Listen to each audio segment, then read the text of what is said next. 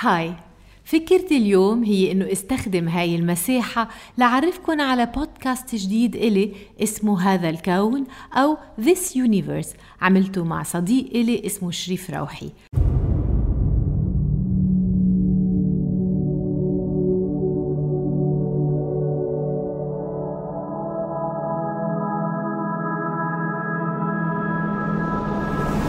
نحن لما نفكر بالعلماء اللي بدونهم كان يستحيل يتحقق التقدم بحياتنا منتذكر أرخميدس وابن الهيثم وإسحاق نيوتن علما إنه الأحفوريات والآثار بتثبت إنه رحلة الإنسان مع العلم بدأت قبلهم بعشرات آلاف السنين تحديدا بمرحلة الثورة الإدراكية اللي شهدت لأسباب غير معروفة تطور كبير بقدرات الإنسان حقق له قفزة نوعية بمجالات اللغة والثقافة والحياة الاجتماعية.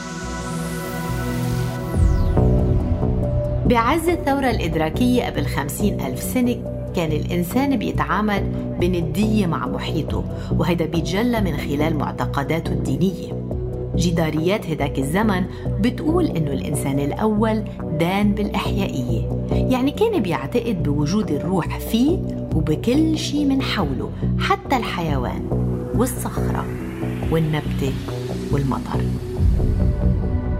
وبمرحلة ما قبل التاريخ المسجل يعني الزمن الأبعد من السبعة آلاف سنة الماضية ظهروا فنانين ومخترعين ومصنعين ما بنعرف أسماءهم ولا أشكالهم لكن علم الآثار وضع بين إيدينا أدلة عن عظمتهم.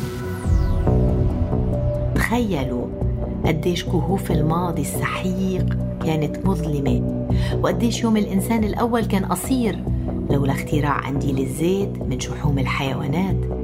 القنديل اللي أضاء وحشة الليل وجعل منه وقت للتأمل وللتفكير. تخيلوا مسار التاريخ بدون اختراع وسائل الإبحار من طوافات وقوارب قبل آلاف السنين. وإلا كيف وصل الإنسان وترك شواهد بقارة أستراليا بيعود تاريخها ل 45 ألف سنة خلف؟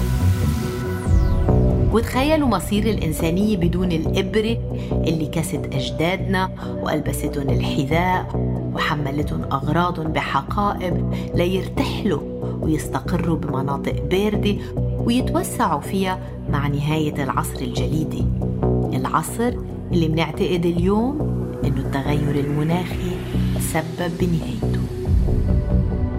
أكيد إنه الثورة الإدراكية الأولى وروادها من مبدعين مجهولين هن اللي مكنوا الإنسان من خوض الثورة التالية قبل نحو 12 ألف سنة. نعم الثورة الزراعية اللي شكلت محطة غيرت مسار الجنس البشري ومصيره إلى الأبد.